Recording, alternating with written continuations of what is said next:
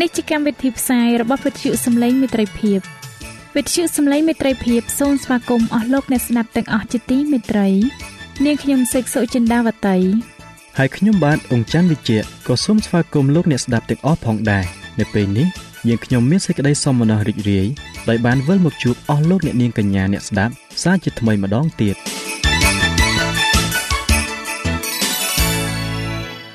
នាងខ្ញុំសេកសុចិន្តាវតី សូមជម្រាបជូនកម្មវិធីផ្សាយដែលមានជាបន្តបន្ទាប់ដូចតទៅនេតិជួបជាមួយព្រះបន្ទូលនេតិបទទំនាយនិងប្រវត្តិសាស្ត្រចា៎លោកអ្នកស្ដាប់ជាទីមេត្រី នាងខ្ញុំសូមគោរពអញ្ជើញអស់លោកលោកស្រី អ្នកនាងកញ្ញាតាមដានស្ដាប់កម្មវិធីផ្សាយរបស់វិទ្យុយើងខ្ញុំដូចតទៅ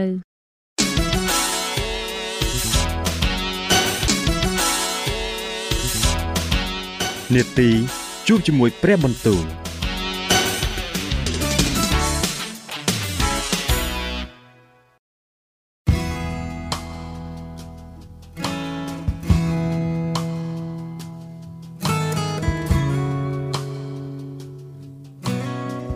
ចាអស់លោកអ្នកស្ដាប់ជាទីមេត្រី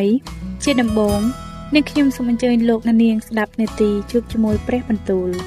នេតិនេះនឹងលើកយកព្រះបន្ទូល ពីព្រះគម្ពីរនាងអេសធើដែលនឹងជម្រាបជូនដល់លោកអង្ចាន់វិជ្ជៈដូចតទៅ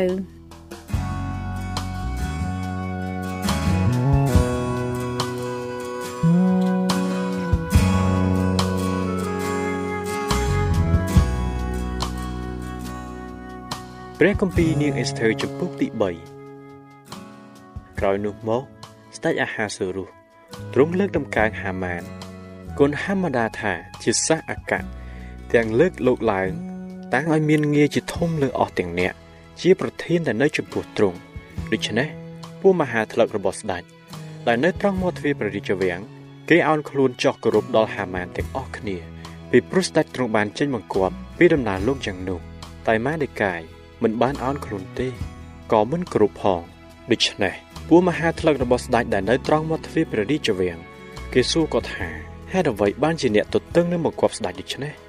រួចកាលគេបានរំលឹកដល់គាត់រាល់តែថ្ងៃតែគាត់មិនព្រមស្ដាប់តាមនោះគេក៏ជម្រាបដល់ហាម៉ានដើម្បីនឹងលោមើលបើសេចក្តីដែលម៉ានិកាយប្រព្រឹត្តដូច្នោះនឹងបានឬមិនបានពីព្រោះគាត់បានប្រាប់ឲ្យគេដឹងហើយថាគាត់ជាសាសយូដាកាលហាម៉ានឃើញថាម៉ានិកាយមិនអោនគោរពដល់ខ្លួនទេ នោះលោកមានចិត្តពេញដោយសេចក្តីក្រោធតែលោកតោះតើយនឹងចង់ចាប់ម៉ានិកាយតែមួយប៉ុណ្ណោះត្បិតគេបានជម្រាបឲ្យលោកជ្រាបពិសេសរបស់ម៉ានិកាយហើយបានជាលោករកឱកាសនឹងបំផ្លាញសាសយូដាទាំងអស់បង ដែលមាននៅពេញក្នុងនគររបស់អាហាសេរុសទាំងមូលវិញ គឺជាជាតិរបស់ម៉ានិកាយទាំងប៉ុន្មានរីឯនៅឆ្នាំទី12ក្នុងរាជអាហាសេរុសគឺនៅខែទី1ជាខែចែកនោះគេវាលេខតាមរបៀនពោនៅមុខហាម៉ានដោយរកថ្ងៃខែ ទៅទល់នឹងខែ12ទើបត្រូវគឺជាខែប្រគុណ នោះហាម៉ានទូលដល់ស្ដេចអាហាសេរុសថា មានសះមួយដែលខ្ចាត់ខ្ចាយនៅកណ្ដាលសះទាំងប៉ុន្មានក្នុងគ្រប់ទាំងអាណាខេត្តរបស់ទ្រង់គេមានច្បាប់ខុសពីច្បាប់នៃសះទាំងអស់គឺមិនកាន់តាមច្បាប់របស់ព្រះករុណាផងដូច្នេះមិនគួរឲ្យព្រះករុណាទុកឲ្យគេនៅទៀតទេបើសិនជាព្រះករុណាទ្រង់សពព្រះតីនោះសូមទ្រាំមកគប់ឲ្យមានច្បាប់កត់ទុកឲ្យបំផ្លាញពួកនោះចេញយ៉ាងនោះទូលបង្គំនិងប្រគល់ប្រាក់10000ហាប ទៅក្នុងឃ្លាំងលួងទាំងប៉ុន្មាន សម្រាប់ពួកអ្នកដែលចាត់ចែងការនោះដូច្នោះ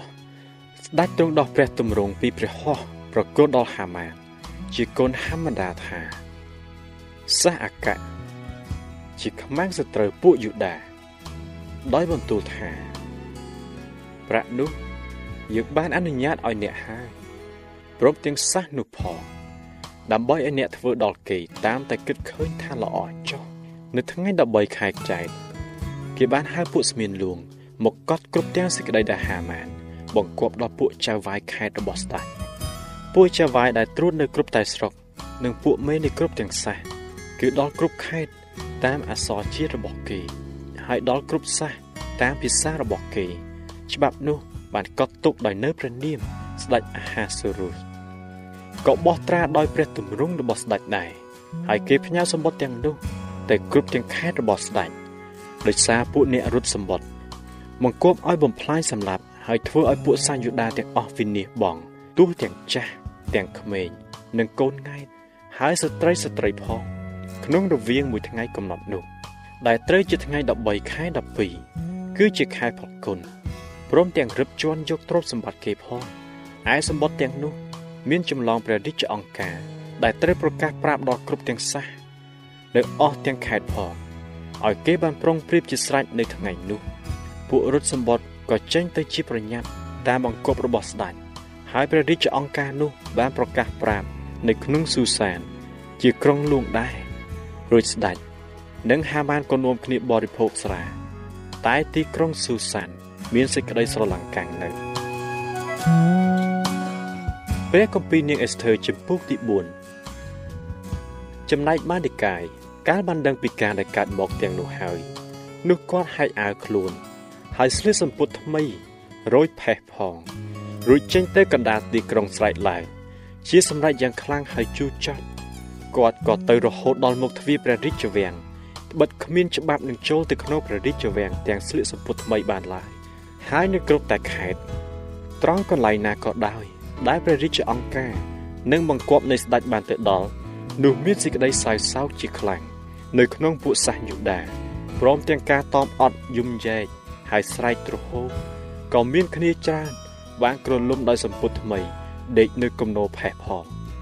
ពួកស្រីបំរើ និងពួកភ្នាក់ងាររបស់អគ្គមហេសីនាងអេសធើក៏មកទូលសេចក្តីនោះដល់ព្រះនាងដូច្នេះព្រះនាងមានសេចក្តីថប់ព្រួយជាខ្លាំងក៏ផ្ញើសម្លៀកបំពាក់ទៅជូនដល់ម៉ាដេកាយដើម្បីឲ្យគាត់បានផ្លាស់សម្ពុតថ្មីចេញតែគាត់មិនព្រមទទួលទេ អេសធើក៏ហៅហាថាជាភ្នាក់ងាររបស់ស្ដេចដែលទ្រង់បានតម្រូវឲ្យបម្រើព្រះនាងមកបង្គាប់ឲ្យទៅឯម៉ាដេកាយដើម្បីនឹងសួរឲ្យដឹងពីរឿងនោះហើយពីហេតុអ្វីបានជាកើតដូច្នេះហាថាក៏ចេញទៅឯម៉ាដេកាយនៅត្រង់ទីធ្លាក្រុងដែលនៅមុខព្រះរាជវាំងហើយម៉ាដេកាយប្រាប់គាត់ពីគ្រប់ទាំងដំណើរតែបានកើតមកដល់ខ្លួននិងពីចំនួនប្រាក់ដែលហាម៉ានបានសន្យាបញ្ចេញទៅឯឃ្លាំងនួងទាំងប៉ុន្មានឲ្យបានបំផ្លាញដល់ពួកសាញយូដា ក៏ឲ្យសំណៅព្រះរាជអង្គការមួយច្បាប់ជាសេចក្តីដែលបានប្រកាសប្រាប់នៅក្រុងស៊ូសាន បង្គាប់ឲ្យសម្លាប់គេដល់ភ្នាក់ងារនោះឲ្យនាំយកទៅបង្ហាញដល់អេសធើហើយរាប់រៀបទូលព្រះនាងឲ្យជ្រាបព្រមទាំងផ្ដាំឲ្យព្រះនាងចូលទៅ ទូលអង្វរចំពោះស្ដេចថ្វាយពាក្យសំណូមជំនួសសាសរបស់ខ្លួនផងហាថាក៏ទៅក្រាបទូលដល់អេសធើតាមពីរបស់ម៉ានីកាយរួចអេសធើមានសវណ្ណីនឹងហាថាផ្ដាំឲ្យទៅជម្រាបម៉ានីកាយថា អស់ទាំងពួកបំរើរបស់ស្ដេចនិងពួកបណ្ដាជននៅគ្រប់ទាំងខេត្តរបស់ទ្រង់សុទ្ធតែដឹងថាបើស្ដេចមិនបានហៅរកនោះអ្នកណាក៏ដោយទោះប្រុសឬស្រីក្តី ដែលនឹងចូលទៅឯស្ដេចក្នុងព្រះរាជរោងខាងក្នុង នោះមានច្បាប់តែមួយចំពោះអ្នកនោះគឺត្រូវសម្លាប់បងលើកតែអ្នកណា ដែលទ្រង់នឹងហុចព្រះដំបងមាសមកប្រោះឲ្យបានរស់ប៉ុណ្ណោះតែស្ដេចមិនបានហៅខ្ញុំឲ្យចូលទៅចំពោះទ្រង់ អស់30ថ្ងៃនេះហើយរួចគេក៏ទៅជម្រាបម៉ាឌីកាយតាមពាក្យរបស់អេសធើវិញឯម៉ាឌីកាយក៏ប្រាប់ឲ្យគេចូលទៅទូស្ដេចនឹងអេសធើថាកុំឲ្យគិតស្មានថាព្រះនាងនឹងរួចជីវិត នៅក្នុងដំណាក់ស្ដេចជាជាងពួកសាសយូដាឯទៀតនោះឡើយត្បិតបើព្រះនាងនឹងស្ងៀមនៅក្នុងវេលានោះនោះនឹងកើតមានសេចក្តីសង្គ្រោះនិងសេចក្តីប្រោះឲ្យរួចដល់ពួកយូដាពីកន្លែងផ្សេងទៀតតែព្រះនាងនឹងញាតវងរបស់បិតានៃព្រះនាង នឹងត្រូវវិនិច្ឆ័យវិញហើយប្រហែលជាព្រះនាង បានតាំងឡើងក្នុងរាជសម្រាប់ពេលនេះឯងទេដឹងដូច្នេះអេសធើក៏បង្គាប់ឲ្យគេទៅជម្រាបម៉ានីកាយថាសូមទៅប្រមូលពួកសាសយូដាដែលនៅក្រុងស៊ូសានឲ្យប្រជុំគ្នាតបអត់ឲ្យខ្ញុំកុំឲ្យបរិភោគអ្វីទាំងយប់ទាំងថ្ងៃអស់រវាង3ថ្ងៃឯខ្ញុំនិងពួកស្រីបម្រើរបស់ខ្ញុំក៏នឹងតមដូច្នោះដែរយ៉ាងនោះខ្ញុំនឹងចូលទៅគាល់ស្ដេច ដែលជាការខុសច្បាប់ហើយបើខ្ញុំត្រូវស្លាប់ក៏ស្លាប់ទៅចោះនោះម៉ាដេកាយក៏ទៅធ្វើតាមគ្រប់សេចក្តីដែលអេសធើបានបង្គាប់មកព្រះគម្ពីរនាងអេសធើជំពូកទី5លុះដល់ថ្ងៃទី3នោះអេសធើក៏ទ្រង់គ្រឿងមហេសីចូលទៅឈរក្នុងព្រះរាជរោងខាងក្នុងដែលទល់មុខនឹងដំណាក់ស្ដេចឯស្ដេចទ្រង់គង់លើបាឡាំងរាជក្នុងមហាមន្ទីរប្រឈមនឹងផ្លូវចូលទៅឯព្រះរាជដំណាក់ ការស្ដេចទ្រង់ទតឃើញអេសធើជាអគ្គមហេសីឈរក្នុងព្រះរាជរោងដូច្នោះនោះទ្រង់ក៏ប្រោះដល់ព្រះនាងហើយហុចព្រះដំបងមាសដែលកាន់នៅព្រះហស្ថទៅឯព្រះនាងរួចព្រះនាងយាងចូលទៅពណ៌ចុងព្រះដំបងនោះស្ដេចទ្រង់ក៏មានបន្ទូលសួរថាអេសធើអគ្គមហេសីអើយតើព្រះនាងមកចង់បានអ្វីតើគិតចង់សូមអ្វីយើងនឹងបើកឲ្យតាមព្រះនាងសូមទោះបើដល់នគរមួយចំហៀងផងអេសធើទូលថា បើប្រការណាសពព្រះハរតីនោះសូមព្រះករុណានឹងហាម៉ានយាងទៅសោយលៀងដែលខ្ញុំម្ចាស់បានរៀបថ្វាយនៅថ្ងៃនេះដូច្នេះស្ដេចទ្រង់ក៏បង្គាប់គេថាចូលទៅប្រាប់ហាម៉ានឲ្យប្រញាប់ឡើងដើម្បីឲ្យបានសម្រេចដោយព្រះនាងបានថាយ៉ាងនោះស្ដេចនិងហាម៉ានបានមកសោយលៀងដែលអេសធើបានរៀបចំថ្វាយកំពុងតែលាងស្រាទំពាំងបាយជូរនោះស្ដេចមានបន្ទូលសួរអេសធើថាតើព្រះនាងចង់បានអ្វីយើងនឹងបើកឲ្យតែគិតសុំអ្វីទោះបើដល់នគរមួយចំហៀងក៏ដោយ គង់តែបានសម្រេចឲ្យព្រះនាងដែរអេសធើទូលឆ្លើយថាសេចក្តីសំណូមរបស់ខ្ញុំម្ចាស់និងសេចក្តីដែលខ្ញុំម្ចាស់ចង់បាន គឺបើព្រះករណាប្រោះមេត្តាដល់ខ្ញុំម្ចាស់ហើយបើព្រះករណាសពព្រះハរតីនិងប្រោះប្រទានដល់ខ្ញុំម្ចាស់តាមសេចក្តីសំណូម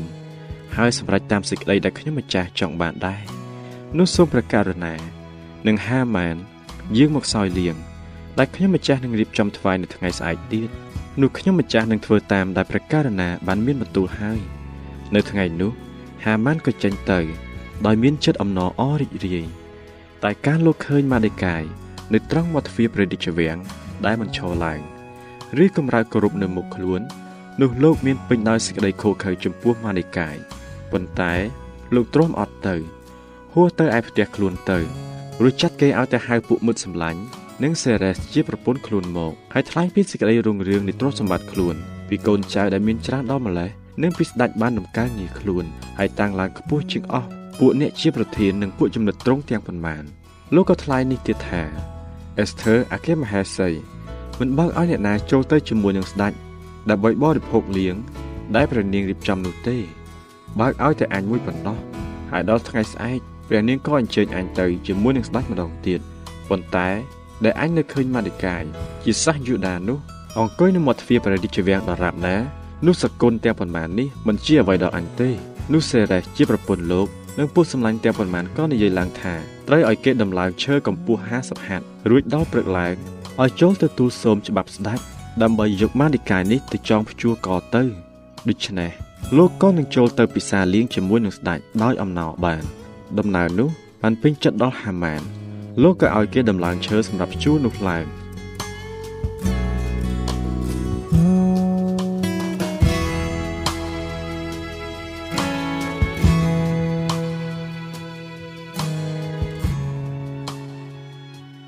ចា៎ប្រិយមិត្តអ្នកស្ដាប់ជាទីមេត្រី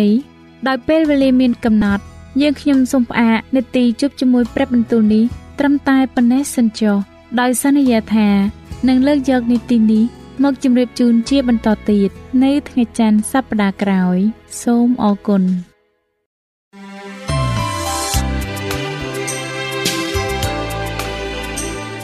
វិទ្យុសំឡេងមេត្រីភាព AWR នាំមកជូនលោកអ្នកនៅសារនៃសេចក្តីសង្ឃឹមសម្រាប់ជីវិត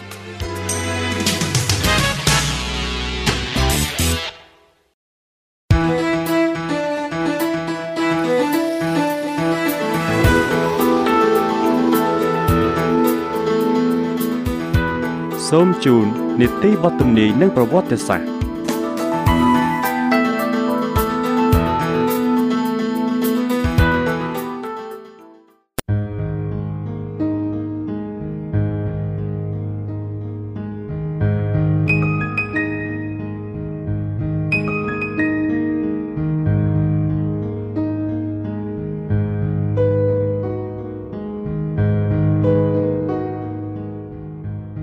បាទសូមជម្រាបសួរដល់អស់លោកលោកស្រីនិងប្រិយមិត្តអ្នកស្ដាប់វិទ្យុសំឡេងមិត្តភាពជាទីមេត្រី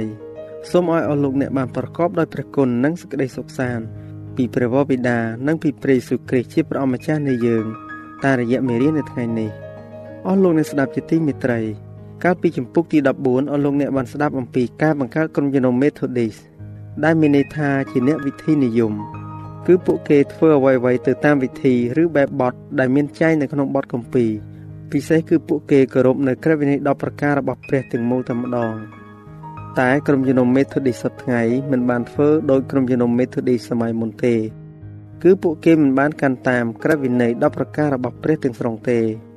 បាទហើយនៅជំពូកទី15នៅថ្ងៃនេះវិញអស់លោកអ្នកនឹងបានស្ដាប់អំពីព្រះគម្ពីរនិងបដិវត្តនៅប្រទេសបារាំងនៅក្នុងជំពូកនេះ អស់លោកអ្នកនឹងបានស្ដាប់អំពីបទទំនាយផ្សេងផ្សេងផងដែរដែលតាក់ទងទៅនឹងការធ្វើទុកបុកម្នេញដល់ក្រុមជំនុំនិងសេចក្តីវេទនាផ្សេងផ្សេងបាទនៅក្នុងបទទំនាយកាលណាលោកអ្នកលើនិយាយអំពីរយៈពេលគឺត្រូវគណនារយៈពេលនោះឲ្យចេញជាចំនួនថ្ងៃជាមុនសិនរួចហើយចាំយកចំនួនថ្ងៃនោះគិតជាឆ្នាំវិញព្រោះនៅក្នុងព្រះគម្ពីរជួនគរនីចំពុកទី14ខ34និងព្រះគម្ពីរអេសាយចំពុកទី4ខ6ព្រះបានរាប់មួយថ្ងៃទុកជាមួយឆ្នាំ ឧទាហរណ៍ជាក់ស្ដែងនៅក្នុងព្រះគម្ពីរវិវរណៈចំពុកទី11ខ2ចុងខបានចែងថាគេនឹងជួនឆ្លីទីក្រុងបរិសុទ្ធអស់រវាង42ខែ គឺមានន័យថាយក42ខែគុណនឹង30គឺ30ថ្ងៃនោះស្មើនឹង1260ថ្ងៃគឺស្មើនឹង1260ឆ្នាំហើយបាទដូច្នេះសូមលោកអ្នកតាមដានស្ដាប់ភាគទី1នៃចម្ពោះទី15ដែលមានចំណងជើងថា ព្រះគម្ពីរនឹងបដិវត្តនៅប្រទេសបារាំងដូចតទៅប្រទេសខ្លះបានទទួលស្វាគមន៍លទ្ធិកែតម្រង់ដោយអំណរថាជាព្រះរាជសារនៃនគរស្ថានសួគ៌នៅក្នុងទឹកដីខ្លះទៀតសេចក្តីយល់ដឹងពីបទគម្ពីរគឺស្ទើរតែរលាយសាបសូន្យអស់ទៅហើយនៅប្រទេសមួយនោះសេចក្តីពិតនិងសេចក្តីមិនពិត បានប្រជែងគ្នាយកឈ្នះចាញ់អស់រាប់សតវត្សនៅទីបំផុត គេក៏បានបោះបង់ចោលសេចក្តីពិតពីស្ថានសួគ៌ទៅ ព្រះបានដកសេចក្តីអត់ធ្មត់របស់ទ្រង់ចេញពីមនុស្សដែលស្អប់អំណោយទាននៃព្រះគុណរបស់ទ្រង់ហើយមនុស្សនៅក្នុងលោកគ្រប់រូបបានឃើញលទ្ធផលនៃការបដិសេធពន្លឺដោយចេតនានេះទីបំផុតសង្គ្រាមទាស់នឹងព្រះគម្ពីរនៅក្នុងប្រទេសបារាំងបានបង្កើតឲ្យមានបដិវត្តជាលទ្ធផលដែលបណ្ដាលមកពីទីក្រុងរ៉ូមបំបិតបទគម្ពីរការនេះជាតំណាងគំរូដ៏ច្បាស់មួយដែលពិភពលោកបានឃើញ អំពីលទ្ធផលនៃសេចក្តីបង្រៀនរបស់វិហារកាតូលិកព្រះដែលជាអ្នកបើកសម្ដែង បានចង្អុលទៅលទ្ធផលដ៏អាក្រក់ដែលនឹងកើតឡើង ជាពិសេសដល់ប្រទេសបារាំងនៅក្នុងការលើកតំណែងតែងតាំងមនុស្សនៃអំពើបាបអស់លោកអ្នកស្ដាប់ជាទីមេត្រីព្រះគម្ពីរវិវរណៈបានចែងថាគេនឹងជន់ទីក្រុងបរិសុទ្ធអស់រវាង42ខែអញនឹងឲ្យអំណាចដល់ស្មោបន្ទាល់អញពីរនាក់គេនឹងទាយក្នុងរវាង 1260ថ្ងៃទាំងស្លៀកពាក់សម្ពត់ថ្មីផងកាលណាបានឃើញអ្នកទាំងពីរនោះបានធ្វើបន្ទាល់របស់ខ្លួនស្រេចហើយនោះសត្វសាហាវដែលមកពីជំហុកធំនឹងច្បាំងនឹងគេទៀងឈ្នះហើយសម្លាប់គេផងខ្មោចគេទាំងពីរនាក់នឹងដេកនៅតាមផ្លូវទីក្រុងធំ ដែលខាងប្រលឹងវិញ្ញាណហៅថា ក្រុងសូដុំនិងអេស៊ីបគឺនៅទីក្រុងនោះឯងដែលមនុស្សបានឆ្កាងព្រះអម្ចាស់ ហើយមនុស្សនៅផែនដីទាំងប៉ុន្មាននឹងមានសេចក្តីអំណរហើយលេងសប្បាយពីដំណើរអ្នកទាំងពីរបានស្លាប់ហើយក៏នឹងជួនចំនួនគ្នាទៅវិញទៅមកពីព្រោះហោរាទាំងពីរបានធ្វើទុកដល់មនុស្សដែលនៅផែនដីទាំងប៉ុន្មានជាខ្លាំងណាស់ក្រោយ3ថ្ងៃកន្លះព្រះវិញ្ញាណនៃជីវិតដែលមកពីព្រះក៏ចូលនៅក្នុងខ្មោចទាំងពីររួចគេក៏ក្រោកឈរឡើងហើយអ្នកដែលឃើញក៏មានសេចក្តីភ័យខ្លាចជាខ្លាំងព្រះគម្ពីរវិវរណៈជំពូកទី11 ខ2រហូតដល់ខ11 42ខែ ស្មើនឹង1260ថ្ងៃ គឺមានកំឡុងពេលស្មើគ្នា ជាកំឡុងពេលតំណាងពីពេលដែលក្រុមជំនុំរបស់ព្រះគ្រីស្ទត្រូវបានទទួលរងទុក្ខដោយការជិះជាន់ពីវិហាររ៉ូមគឺមានន័យថាជារយៈពេល1260ឆ្នាំរយៈពេល1260ឆ្នាំនេះបានចាប់ផ្ដើមនៅគ្រិស្តសករាជឆ្នាំ538 ហើយត្រូវចប់នៅឆ្នាំ1788នៅពេលនោះទីហ៊ានបារាំងម្នាក់បានចូលទៅទីក្រុងរ៉ូមហើយចាប់យកសម្ដេចសង្ឃទៅដាក់គុកហើយលោកក៏ស្លាប់នៅក្នុងការនិរទេសខ្លួននោះទៅ តាំងពីពេលនោះមកលំដាប់ថ្នាក់ខ្ពស់នៃវិហារកាតូលិករ៉ូមពុំមានអំណាចនិងខ្លាំងក្លាដោយពីកាលមុនទៀតឡើយការធ្វើទុកទោសដល់ក្រុមជំនុំពុំបានបន្តពេញកំឡុង1260ឆ្នាំទេ ព្រោះព្រះទ្រង់មានបន្ទូលសេចក្តីមេត្តាករុណាដល់រាជទ្រង់ក៏បំព្រួញពេលនៃគ្រាលំបាកដ៏ក្តៅក្រហាយរបស់គេ តាមរយៈឥទ្ធិពលនៃកំណែតម្រង់វិញស្មោបន្ទាល់ពីអ្នកនោះតំណាងឲ្យព្រះគម្ពីរសញ្ញាចាស់និងសញ្ញាថ្មី ជាទីបន្ទាល់ដ៏សំខាន់ចំពោះដើមកំណើត និងនិរន្តរភាពនៃក្រឹតវិន័យរបស់ព្រះ និងអំពីគម្រោងការនៃសេចក្តីសង្គ្រោះផងដែរគេនឹងទាយក្នុងរវាង1260ថ្ងៃក្នុងសម្ពត់ថ្មី នៅពេលដែលគេប្រកាសហាមមិនឲ្យប្រើព្រះគម្ពីរហើយបង្វែរសេចក្តីដែលមាននៅក្នុងទីបន្ទាល់នោះ នៅពេលគេក្បត់ គេដាក់ទណ្ឌកម្មគេសម្លាប់ដោយព្រោះតែជំនឿឬបណ្ដាលឲ្យភៀសខ្លួន ដល់អស់អ្នកដែលហ៊ានប្រកាសផ្សាយសេចក្តីពិតនោះស្មោះបន្ទល់ដ៏ស្មោះត្រង់និងទោះទាយក្នុងសម្ពត់ថ្មី ក្នុងគ្រាលំបាកវេទនាបំផុតនោះព្រះបានប្រទានប្រាជ្ញានិងអំណាចដល់ជនស្មោះត្រង់ដើម្បីប្រកាសសេចក្តីពិតរបស់ទ្រង់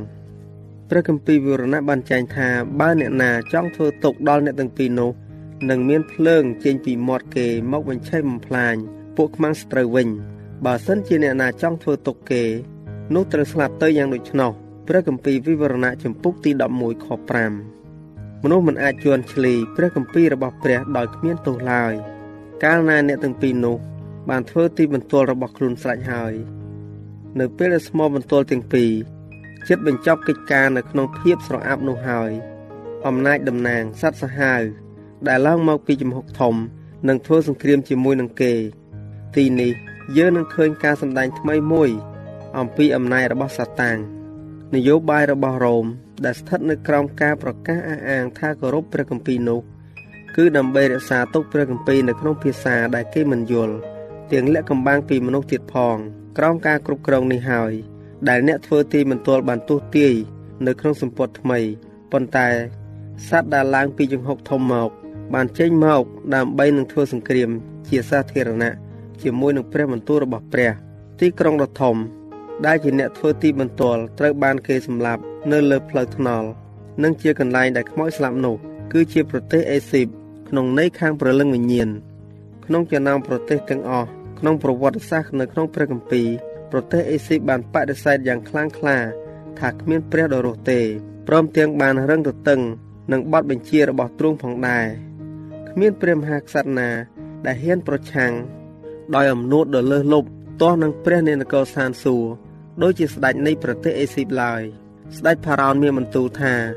អញមិនស្គាល់ព្រះយេហូវ៉ាទេ ហើយក៏មិនព្រមឲ្យសាសអ៊ីស្រាអែលចេញទៅដែរ ព្រះគម្ពីរនេះខមណាងចំពុកទី5ខ2នេះគឺជាថ្មិលនិយម ហើយជាតិសាសដែលតំណាងឲ្យប្រទេសអេស៊ីបក៏នឹងបញ្ចេញសម្ដីបដិសេធដល់ព្រះព្រមទាំងបង្ហាញការរឹងទទឹងដូចគ្នានេះដែរទីក្រុងដ៏ធំ គឺត្រូវបានប្រៀបធៀបទៅនឹងទីក្រុងសូដុំផងដែរក្នុងន័យខាងព្រលឹងវិញ្ញាណសេចក្តីពុករលួយនៃក្រុងសូដុំបានសម្ដែងយ៉ាងច្បាស់ជាងគេ ជាពិសេសនៅក្នុងសភាពអត់ច្បាប់បាបកម្មនេះជាតួយ៉ាង នៃជាតិសាសន៍ដែលនឹងសម្រេចបទទំនាយនៃព្រះគម្ពីរយល់ទៅតាមហោរាវិញ នៅមុនឆ្នាំ1798បន្តិចនឹងមានអំណាចមួយដែលមានរឹកពីដោយសាតាំងងើបឡើងដើម្បីធ្វើសង្គ្រាមជាមួយនឹងព្រះគម្ពីរហើយនៅក្នុងទឹកដីណា ដែលគេលែងចង់ដឹងចង់ឮអំពីស្មោបន្ទាល់ទាំងពីររបស់ព្រះនោះហើយនោះនឹងមានឃើញសញ្ញាថ្មិលនិយមនៃស្ដេចផារ៉ោននិងភាពឥតច្បាប់នៃក្រុងសូដុំ ការសម្រេចបទទំនាយដ៏ជាក់លាក់ទំនាយនេះបានសម្រេចនៅក្នុងប្រវត្តិសាស្ត្របារាំងដោយបានទាយទុកក្នុងកំឡុងពេលនៃបដិវត្តនាឆ្នាំ1793ក្នុងប្រវត្តិសាស្ត្រពិភពលោក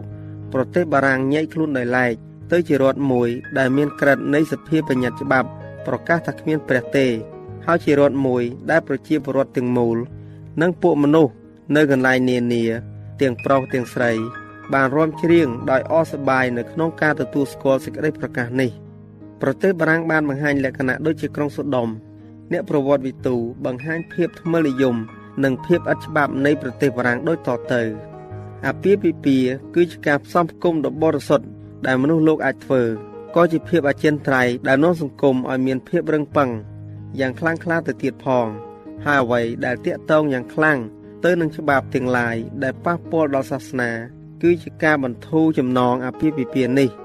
ឲ្យបានត្រឹមតែជាកិច្ចសន្យាស៊ីវិលបណ្ដោះអាសន្នដែលបុគ្គលពីររូបណាក៏ដោយអាចចុះខសន្យាបាន ហើយលះលែងវិញស្រេចតែចិត្តអ្នកស្រីស៊ីភីអាណុល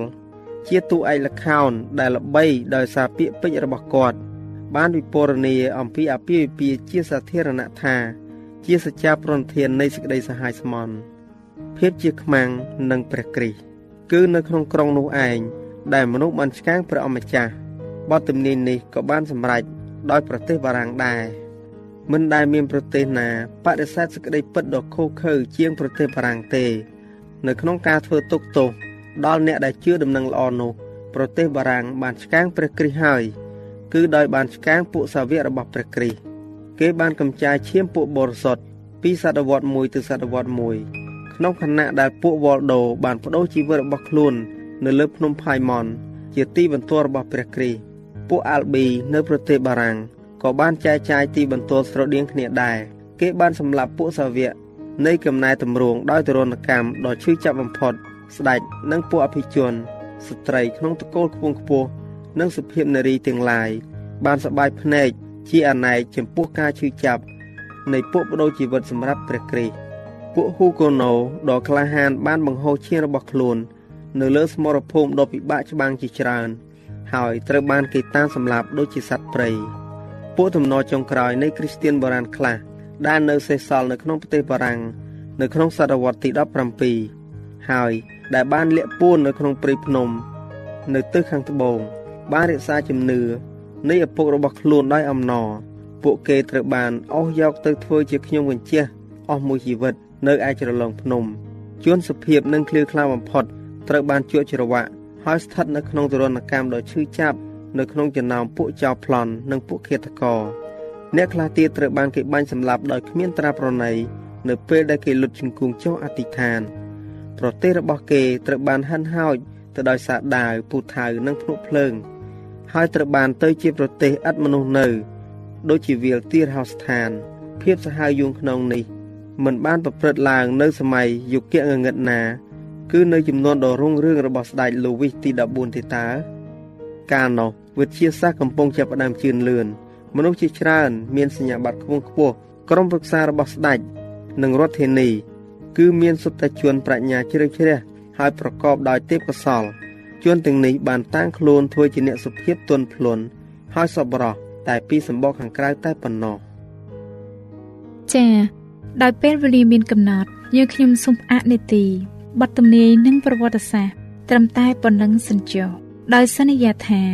នឹងលើកយកនីតិនេះមកជម្រាបជូនជាបន្តទៀតនៅថ្ងៃស្អែកសូមអរគុណ